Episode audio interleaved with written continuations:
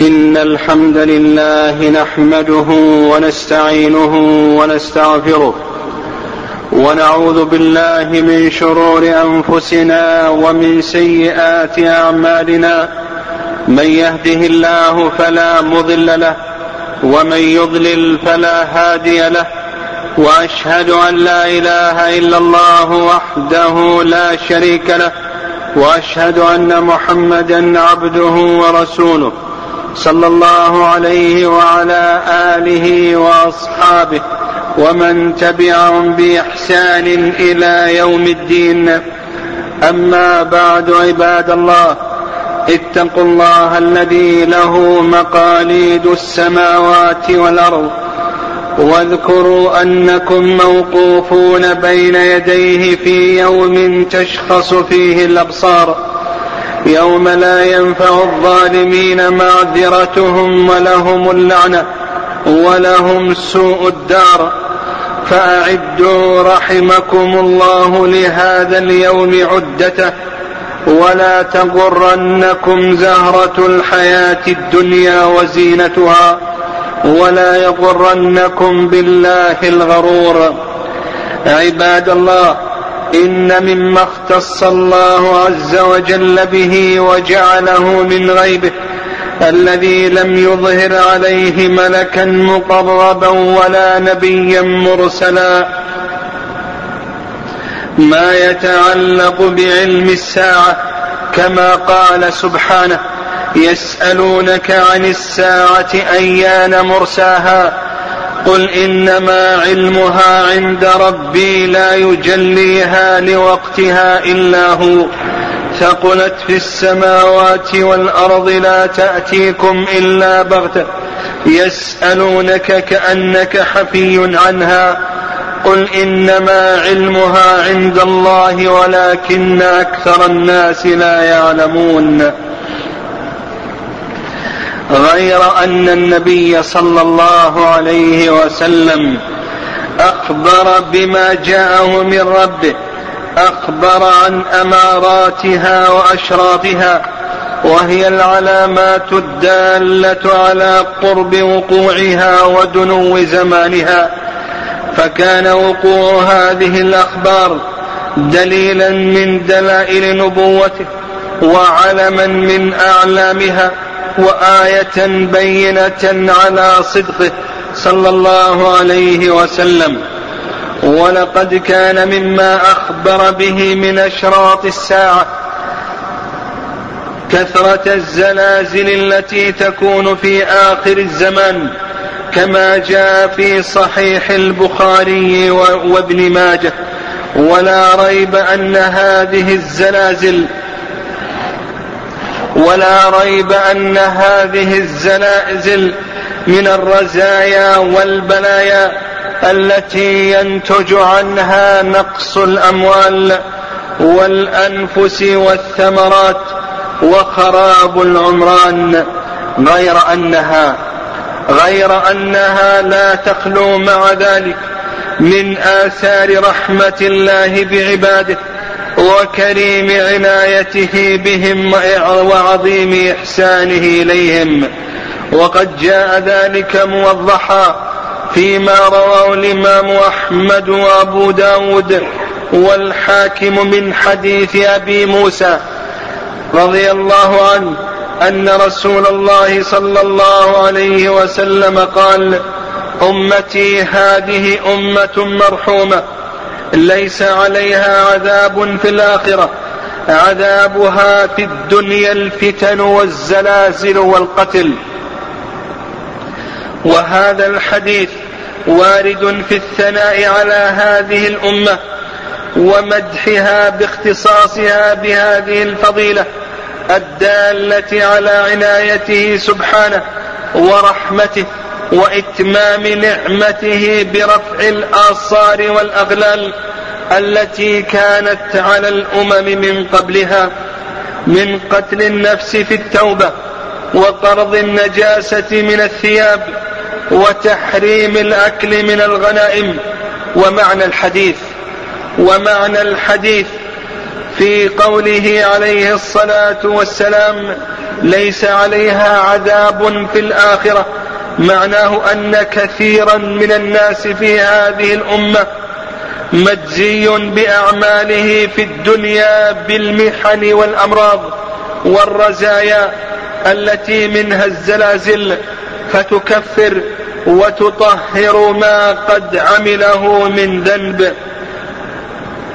كما جاء في حديث أبي هريرة وأبي سعيد أن النبي صلى الله عليه وسلم قال ما يصيب المسلم من نصب ولا وصب ولا هم ولا حزن ولا أذى ولا غم حتى الشوكة يشاكها إلا كفر الله بها من خطاياه. خرجاه في الصحيحين والنصب هو التعب والوصب هو المرض وفي صحيح البخاري أيضا من حديث أبي هريرة أن النبي صلى الله عليه وسلم قال من يريد الله به خيرا يصب منه اي ينزل به من ألوان المصائب ما يكون كفارة لذنوبه إذا صبر واحتسب. أما أهل الكبائر من أهل التوحيد الذين ماتوا على غير توبة فهم تحت مشيئة الله تعالى. إن شاء الله عذبهم وإن شاء غفرهم وإن شاء غفر لهم.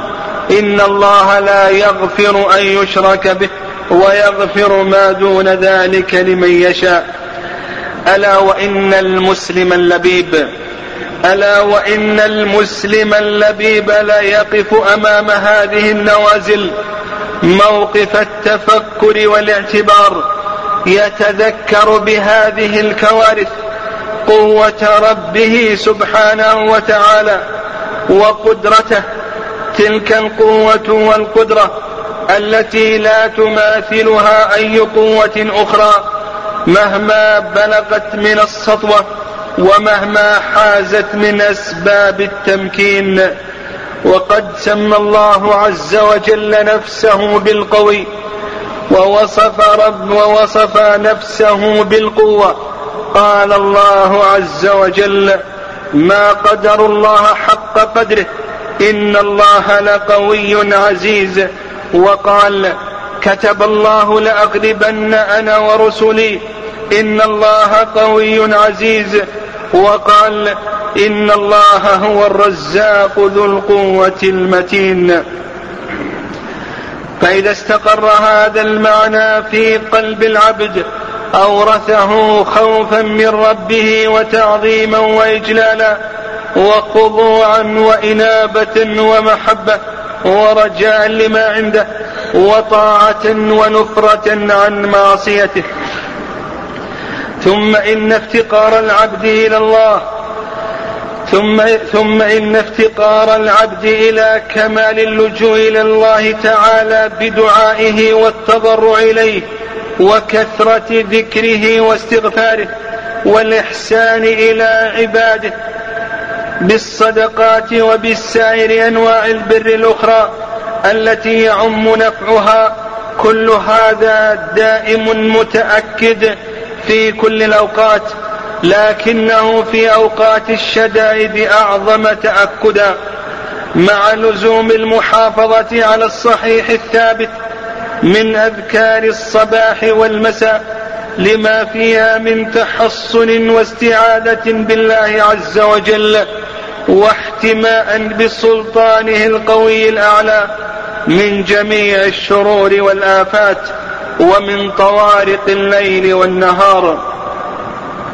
ولا ريب ولا ريب أن قيام المسلم بإغاثة إخوانه بإغاثة إخوانه المنكوبين ومسح البؤس عن جبين البائسين ممن نزلت بهم هذه النوازل وحلت بديارهم هذه الزلازل من أفضل الأعمال وأزكاها عند الله عز وجل.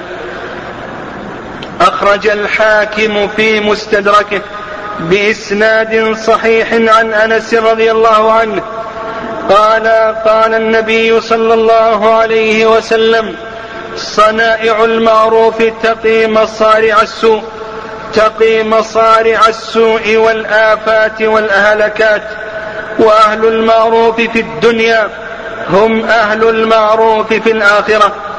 كما أنها دليل على الاتصاف بصفة الرحمة التي أوضح رسول الله صلى الله عليه وسلم ما لصاحبها عند ربه بقوله الراحمون يرحمهم الرحمن تبارك وتعالى ارحموا من في الأرض يرحمكم من في السماء رواه أحمد وأبو داود في سنته وفي الصحيحين من حديث أسامة بن زيد رضي الله عنه أن رسول الله صلى الله عليه وسلم قال إنما يرحم الله من عباده الرحماء.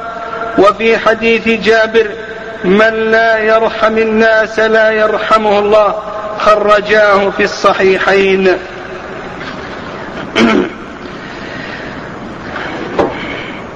وأخرج أبو داود والترمذي في سننهما وابن حبان وابن حبان في صحيحه والحاكم في مستدركه بإسناد صحيح عن أبي هريرة رضي الله تعالى عنه أن النبي صلى الله عليه وسلم قال لا تنزع الرحمة إلا من شقي وصدق سبحانه إذ يقول ولا تفسدوا في الأرض بعد إصلاحها وادعوه خوفا وطمعا إن رحمة الله قريب من المحسنين.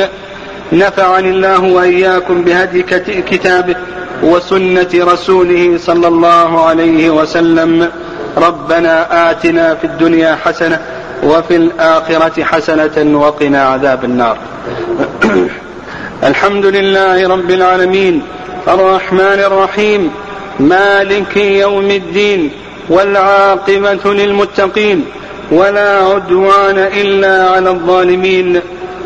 وأشهد أن لا إله إلا الله وحده لا شريك له ولي المتقين. وأشهد أن محمدا عبده ورسوله سيد الأنبياء والمرسلين. أما بعد إن كتاب الله وسنة رسوله صلى الله عليه وسلم يدلان على أن هذه الزلازل وغيرها من الكوارث إنما تصيب العباد بسبب ذنوبهم. إنما تصيب العباد بسبب ذنوبهم.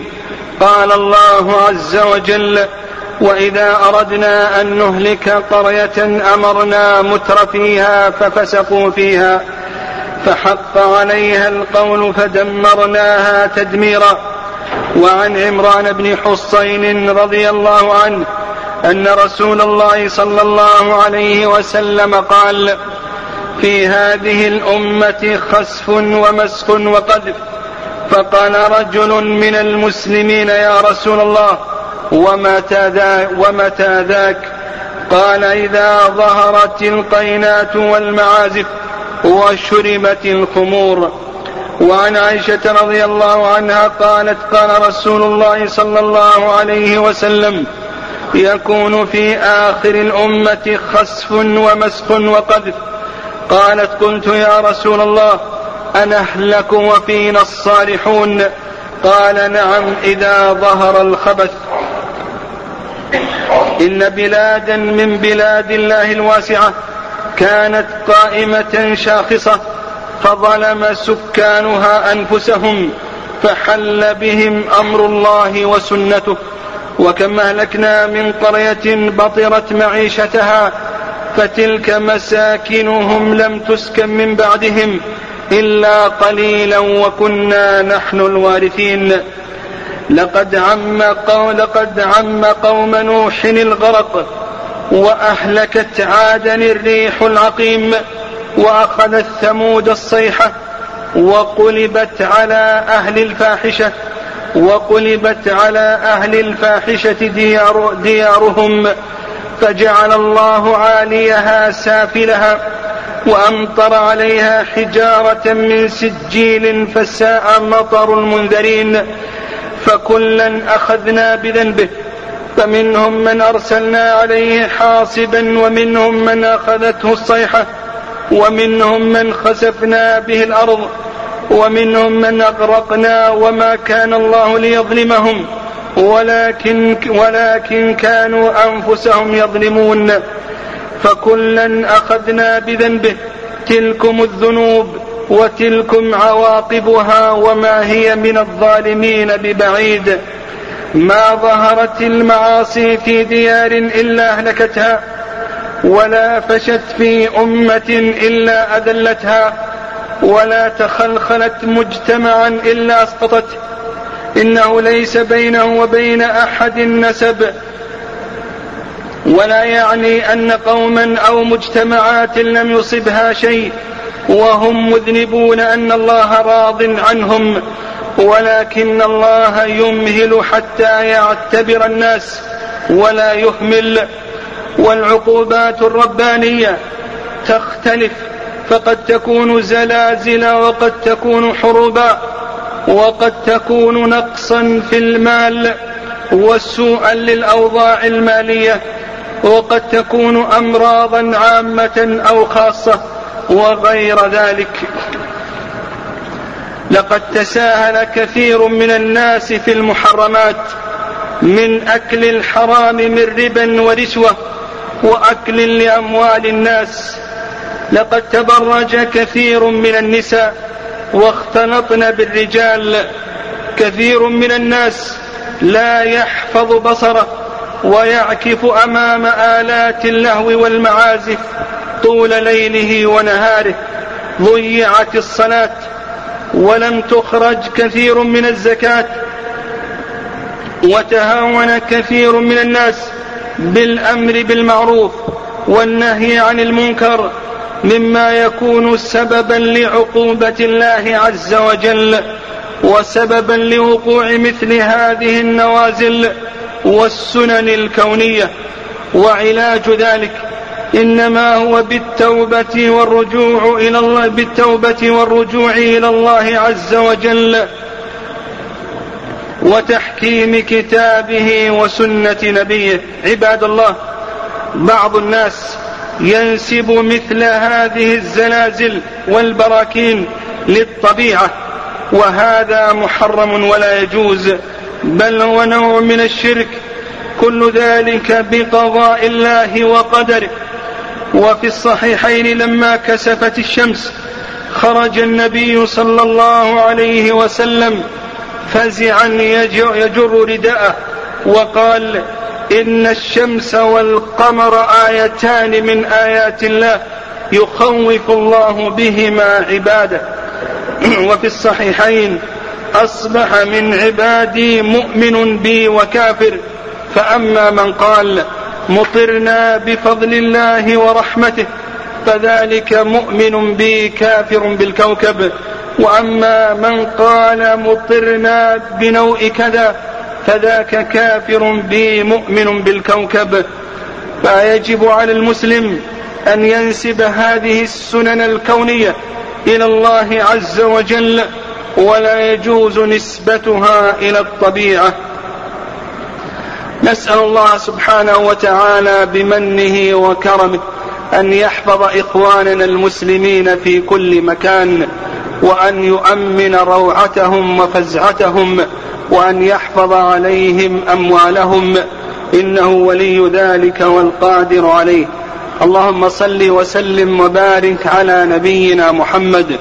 وارض اللهم عن صحابة نبيك أجمعين. واخص منهم الأئمة المهديين والخلفاء الراشدين أبا بكر وعمر وعثمان وعلي وعن بقية صحابة نبيك أجمعين. اللهم أعز الإسلام والمسلمين وأذل الشرك والمشركين.